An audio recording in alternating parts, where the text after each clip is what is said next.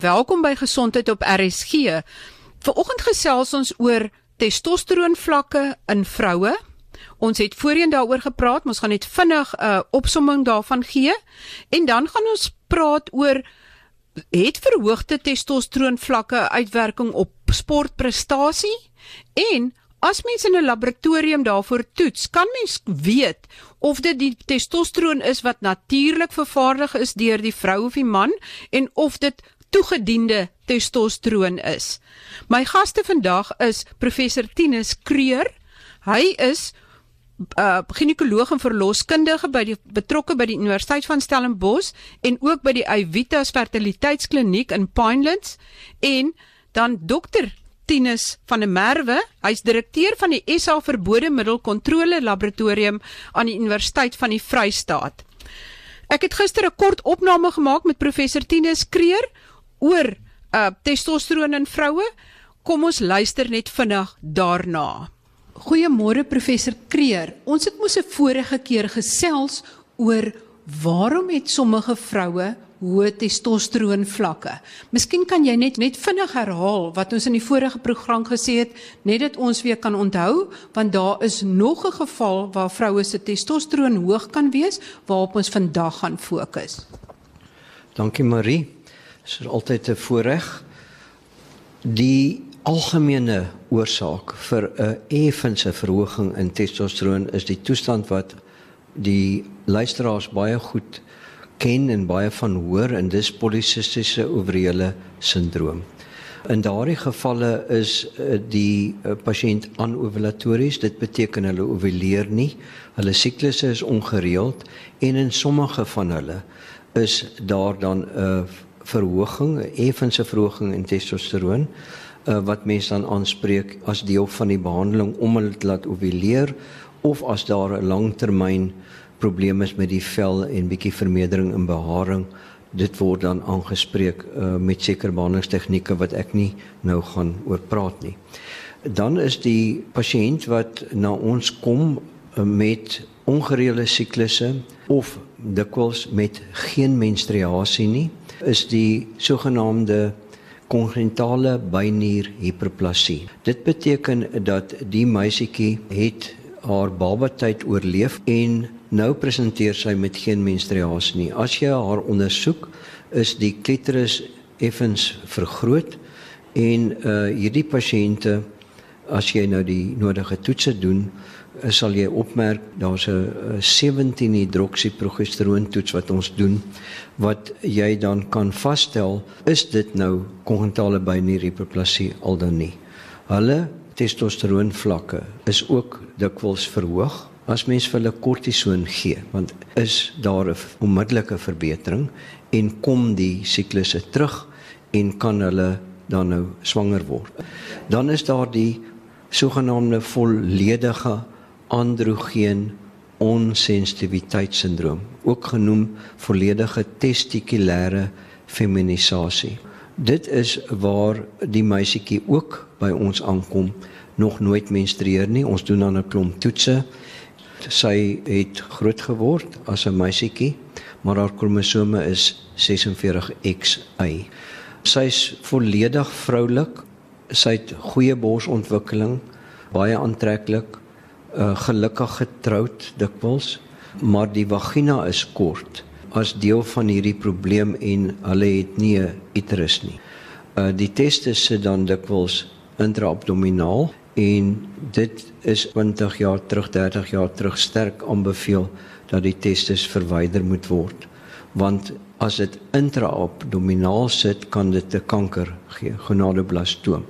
Daar is nou 'n skool wat bietjie wegbeweeg van hierdie gedagte. En dan kry ons 'n androgeen onsensitiwiteit of testikulêre feminisasie, maar onvolledig. Dit beteken hierdie persoon lyk nie daardie tipiese modeltipe nie. Dis opvallend by die volledige groep baie goeie borsontwikkeling. By die onvolledige groep amper nie borsontwikkeling nie. Hulle is ook nie lank en lenig nie. Hulle hulle lyk meer gespierd en alhoewel hulle vroulike genitalie, hulle lyk vroulik, maar die testosteroon kan nou sy effek uitoefen en baie van hulle kan 'n uh, vergrote klitoris hê. Hulle spiermassa is baie goed ontwikkel en hulle sal byvoorbeeld in sport besonder kan presteer as hulle sportief georiënteerd is. Uh, ek gaan dit net opsom. So ons het die algemene polisisties ovrele sindroomgroep met net 'n bietjie verhoging testosteron en ons moet hulle eintlik vergeet. Hulle is maklik om te hanteer en hulle kry nie voordele regtig in die sportarena nie. Dan is daar die kongenitale binyrhiperplasie wat 'n ensiem defek is. Ek gaan 'n ensiem noem 21 hidroksilase is een van die ensieme. En weens hierdie ensiem tekort kom die meisie dan later en sy menstrueer nie. En as jy dan daai toets doen sê met hidroksiprogesteroon, dan maak jy die diagnose en jy kan hulle met kortison behandel en hulle kom heeltemal reg en hulle kan kindertjies hê. Baarmoeder is daar, alles is daar. Is net 'n ensiem tekort. En dan het het ons die testikulêre feminisasies, die volledige een en die onvolledige een. Volledig beteken nou kan die testosteron niks doen aan hierdie meisie nie. Uh hy, hy oefen nêrens sy effek uit nie, maar onvolledig beteken nou kan die testosteron wel effek uitoefen en dis hoekom die onvolledige een dan sterk voorkom, groot spiere, klein borste. Goed, met ander woorde, die onvolledige een en die volledige een is 46XY, met ander woorde manlike kromosome. Maar die volledige een lyk meer soos 'n vrou omdat die testosteron wat deur die testes ook afgeskei word geen effek het op die liggaam nie, maar by die onvolledige een is daar wel reaksie van die liggaam daarop wat die liggaam dan meer gespierd maak en ook bietjie dat die persoon ook bietjie meer manlik lyk al het sy eksterne genitalie wat meer soos 'n vrou lyk. Is dit korrek? Uh, dit is absoluut korrek. Ek wil net sê daar's vele ander voorbeelde. Daar's boeke geskryf oor hierdie interseks toestande en daar's 'n spektrum van ander ek wil net 'n ander een noem 5 alfa reduktase ensiem tekort. En daai ensiem maak dat testosteron in die liggaam na dihidrotestosteron moet gaan en dan sy effek uitoefen. Al 5 alfa reduktase tekort, dan kan daai testosteron ook niks doen nie en dan kry jy dieselfde beeld amper as by die testikulêre feminisasie daai volledige sindroom. So ek dink ons moet sê dis 'n komplekse uh, situasie, maar uh, jy som dit reg op. Ja, daar het ons nou gehoor net baie in kort oor moontlike redes waarom 'n vrou se testosteron vlakke hoog kan wees. Soos professor Tinus Kreer gesê het, dis 'n baie komplekse situasie. Maar kom ons beweeg na dokter Tinus van der Merwe toe.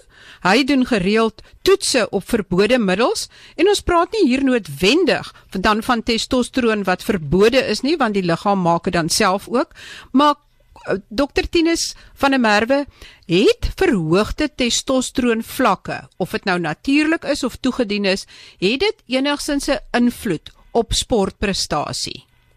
Uh goeiemôre Marie en goeiemôre aan jou luisteraars en baie dankie vir uh die geleentheid vanoggend om uh bietjie te gesels oor hierdie goed. Uh om jou te antwoord, ja definitief.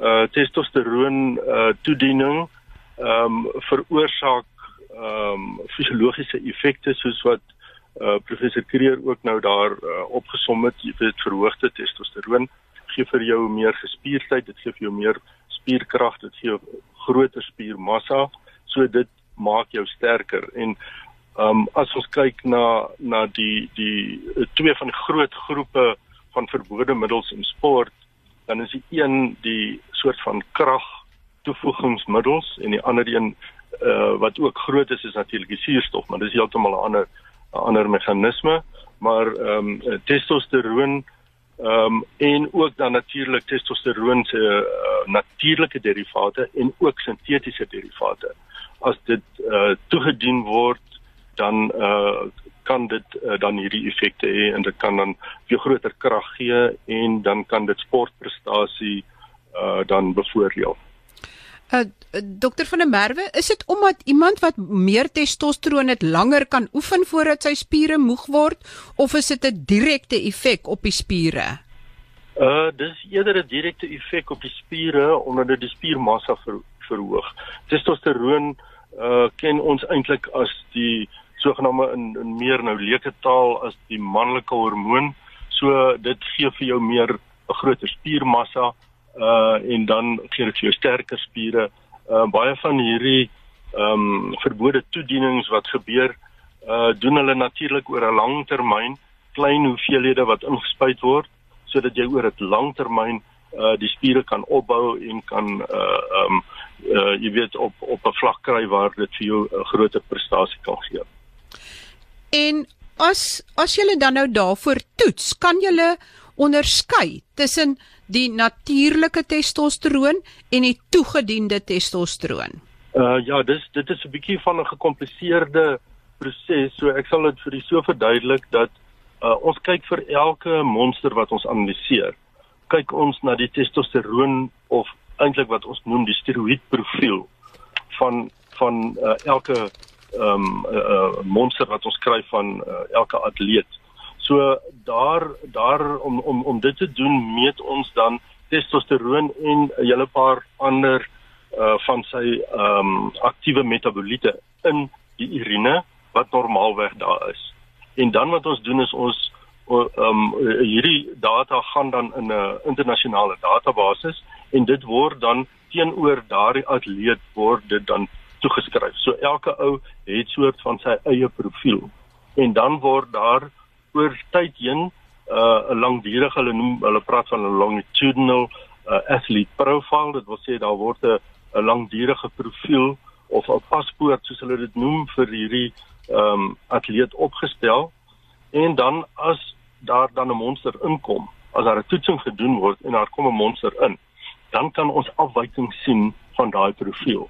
Dit is dan het sy ehm um, uh, konsentrasies van sekere van van hierdie steroïde of dan ook uh, verhoudings uh in in die ehm um, die hoeveelhede van van hierdie ehm um, uh testosteroon en sy metaboliete en dan kan 'n mens sien 'n verhouding het omgekeer of die waarde is baie groter en dan lyk dit soos uh dat dit dalk 'n uh, soort sogenaamde uh, doping event kan wees. Dan word dit verder ondersoek as ons seker is dat daar 'n goeie meriete daarvoor is, dan word dit verder ondersoek deur die spesifieke molekules te vat en hulle heeltemal uitmekaar te breek en te kyk na die koolstof en die isotoopverhouding van die koolstof waaruit hierdie molekules opgebou is.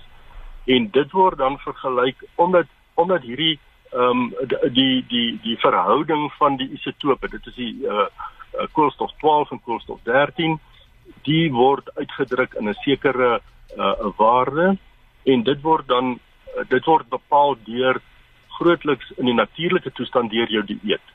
Maar as daar nou eksogene uh 'n middel in in uh, ingeneem is, dan gaan daai verhouding definitief verskil en sodoende kan ons dan definitief sien dat daar is uh meer testosteroon, maar daai testosteroon is eksogeen toegedien en dit dit is 'n verbode praktyk volgens volgens ons reëls. Maar daar moet eers 'n afwyking in die profiel wees om julle te waarsku daarvoor of 'n rooi lig aan te skakel. Maar sê maar die een gebruik op 'n gereelde basis ja. toegediende anaboliese steroïde, dan sal die profiel mos dieselfde bly oor 'n lang tydperk. Kyk, uh nee, dis nie nie noodwendig so nie, want daardie as as dit van die endogene uh um, steroïde is, soos testosteron in sy maatjies, dan gaan ons kyk na hierdie ehm um, isotoop ehm um, verhouding en dan gaan jy dit op die langtermyn gaan jy dit optel. Gewoonlik wat gebeur met uh langdurige toediening uh is nie is dit nie noodwendig uh endogene steroïde nie, maar eksogene anaboliese steroïde waarvan daar baie is. Hoekom mense dit eerder neem is omdat die toediening daarvan is is baie keer makliker. Dis makliker. Uh, die goed word so gemaak deur uh wel eintlik deur die farmaseutiese uh, uh maatskappye dat dit makliker toegedien kan word. So jy kan dit in 'n pil kan jy dit inneem. En dan gaan soek ons vir daai spesifieke ehm um, uh eksogene uh, uh steroïd. en na sy metaboliete. En dit kan ons dan uh, baie sensitief uh, optel.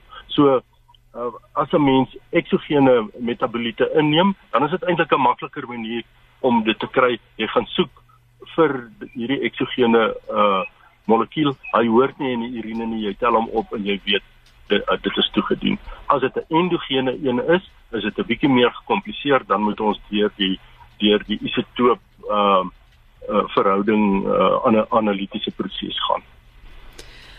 Maar as jy nou die toetse doen, ja. uh uh wat is daai ander metaboliete wat jy ook voor kyk en is daar van hierdie stowwe wat jy nie kan optel nie want die die net so vinnig as wat jy toetsing ontwikkel, net so vinnig ontwikkel die farmaseutiese maatskappye wat hierdie goed maak, ja. eintlik middels wat dalk deur julle toetse kan glip. Ja, nee, daar daar's altyd daai moontlikheid is altyd daar. Dit is hoekom dat in die ehm um, in in ons uh veld, dissipline, ehm um, uh, bestaan daar oor die wêreld heen omtrent so 37 laboratoriums wat geakkrediteer is deur WADA, die World Anti-Doping Agency.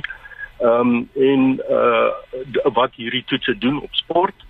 Ehm um, dis 'n baie gereguleerde veld. Dit is uh analities uh 'n baie komplekse ehm um, en 'n as ek dit om in Engels kan noem 'n challenging uh, ding om te doen. Um, maar daar word baie navorsing ook gedoen en die laboratoriums en almal in hierdie veld is terdee bewus daarvan dat daar gedurig deur nuwe goed uh, uh, kom. Die steroïde is regtig 'n uh, komplekse molekules. Hulle het 'n baie komplekse uitwerking op die liggaam soos wat gesekreer verduidelik het, maar dit is ook nogal tamelike komplekse molekules, maar daar is maniere om hulle op te tel en daar is al mense wat vir 50 of meer jaar werk op hierdie goed So hulle is nogal taamlik slim en hulle ken die goed en hulle weet waarna om te soek en dan soek ons veral na metaboliete en uh, deesdae is dit die uh, sogenaamde long-term metabolites, metaboliete wat vir maande in die liggaam agterbly wat uh, daarvoor al meer en meer nuwe uh, tegnieke ontwikkel word om dit uh, dan uh, te te analiseer. En partykeer is daar in van hierdie uh, proteïenpoeiers dalk 'n middel wat da, wat moontlik die anaboliese steroïde in jou liggaam kan verhoog. Mhm. Uh uh DHEA het dit 'n invloed op jou moontlik op jou anaboliese steroïd vlakke in jou liggaam. Dit kan definitief as dit daarin is, dan kan dit 'n invloed daarop hê. Uh dit is hoekom dat ehm um, daar is baie keer in in die gevalle wat ons kry waar daar nou ehm um, 'n positiewe geval nou gerapporteer word uh dan gaan die atleet terug en dan sê hulle ja maar hulle het van hierdie supplemente uh, of by bymiddels of goed geneem en so aan. En dan baie keer dan uh word ons dan gevra om uh op daai basis dan hierdie goed te ondersoek en dan kry 'n mens van hierdie komponente daar daarin. En dan kan dit definitief 'n effek hê maar die atlete weet dit en hulle weet hulle mag nie hierdie goed gebruik as daar so 'n moontlikheid is nie so dit stel ehm um, vry waarom nie daarvan dat hy gevang gaan word as hy 'n verbode middel op so 'n manier inkry nie. Daar's ook baie van hierdie supplemente wat ehm um, uh, stimulante bevat uh wat maklik wateroplosbaar is en so aan, jy weet, en dit maak dat dit goed makliker verkoop word. Daar's van hierdie middels wat baie baie naby aan stimulante is. So die die probleem met ehm um, supplemente en bymiddels is dat dit nie gereguleerd is nie. Dit is nie soos 'n medisyne nie. So eintlik kan die mense daarin sit amper kan jy maar sê wat hulle wil en dan is die atlete ab, absoluut blootgestel daaraan. WADA onderskryf dan ook geen uh supplement nie en ons as laboratoriums geakkrediteerde laboratoriums mag ook nie vir die vervaardigers byvoorbeeld hierdie goed toets en 'n WADA stempel vir hulle gee om te sê ons het nou gesien daar's niks in nie want da, dit is nie gereguleerde proses nie. So ja, dit dit kan dit kan definitief gebeur dat daar deur die die bymiddels uh, uh seker goed kan inkom. Ja. 'n Vorige sportwetenskaplike het eenslag in 'n gesprek gesê as hierdie poeiers werk, dan moet jy maar vermoed dat daar 'n verbode middel in is. En as dit nie werk nie, het dit waarskynlik nie 'n verbode middel in nie. Ja, wel, dit hang af op watter manier dit werk, maar as dit nie nou skielik maak baie beter presteer, dan moet jy maar oppas, jy weet die die die die ding is van baie van hierdie uh, verbode middels en ehm um, ek is nou nie 'n uh, uh, uh, medikus nie, so ek kan nie my uitspraak uitspreek daaroor nie, maar ons weet almal dat dit het nadelige effekte. So om te soek na hierdie goed en uh, dit te verklaar en die mense ehm um, uh, uh, jy weet in ehm um, hierdie anti-doping proses daar te hê is ook om die atlete en die sportmense te beskerm teen die effek van hierdie goed. Want dit het definitief nadelige effekte op die lang duur. Uh dit dit is definitief so. Ja. Ek wil net weer terugkom na die verbetering van sportprestasie. Mhm. -huh. In die geval van Caster Semenya aan die IAAF konsentreer hulle nou op die afstande wat Caster Semenya hardloop. Maar as testosteron jou krag verbeter, het dit dan nie dalk ook 'n effek op ander uh sport uh, dissiplines of ander items in sport nie buite nie hardloop. Ja, definitief kyk ehm um, uh wat wat Caster Semenya betref en uh my verhouding kan ek maar amper sê met haar op ons laboratorium se standpunt daarteenoor is dit is heeltemal natuurlik buite ons veld. So ek kan my nie uitspreek oor haar uh, prestasies en so aan nie, maar uh, dit is 'n feit dat uh, testosteroon oor die algemeen of die die anaboliese steroïde, kom ons praat maar van dit so, uh, oor die algemeen vir jou verhoogde krag gee. En verhoogde krag kan natuurlik dan vir jou help om vinniger te hardloop op kort afstande, lang afstande en natuurlik ander items waarskynlik ook soos gewigstoot of spiesgooi of so waar jy krag waar jy krag nodig het. Baie baie dankie. Ek het nou pas gesels met dokter Tinus van der Merwe. Hy is direkteur van SA Verbode Middel Kontrole Laboratorium by die Universiteit van Vryheid en ook baie geluk aan julle dat julle weer akkreditasie by WADA, dit is die World Anti-Doping Association gekry het en baie baie dankie vir jou bydrae. OK, baie dankie. Baie dankie. Dit was baie lekker om met julle te gesels. Daar's nog so baie waaroor ons kan praat, maar miskien 'n ander tyd. Absoluut. Ek wil graag oor EPO en stimulante ook praat en ek sal daardie gesprek reël. Ek wil net vinnig afsluit met SASOG. Dit is die vereniging van ginekoloë en verloskundige van Suid-Afrika wat onlangs 'n verklaring uitgereik het waarin hulle gesê het en die standpunt kom kortliks daarop neer As 'n pasiënt of 'n persoon met verhoogde testosteron vlakke nie simptome het nie en nie gepla is deur die effek van die verhoogde testosteron nie. En daar's nie 'n mediese rede dat dit die hoë vlakke gevaarlik kan wees nie dan is dit nie volgens hulle regverdig dat daai persoon gedwing moet word om haar of hom sy vlakke te verlaag nie. Ek sluit dan daarmee af. Volgende week gesels ek met 'n fertiliteitsspesialis oor as jy kanker het en jy's jonk en jy wil nog kinders hê, wat die opsies is, want daar is verskeie opsies. Tot volgende week dan, gegroet van my Marie Hudson.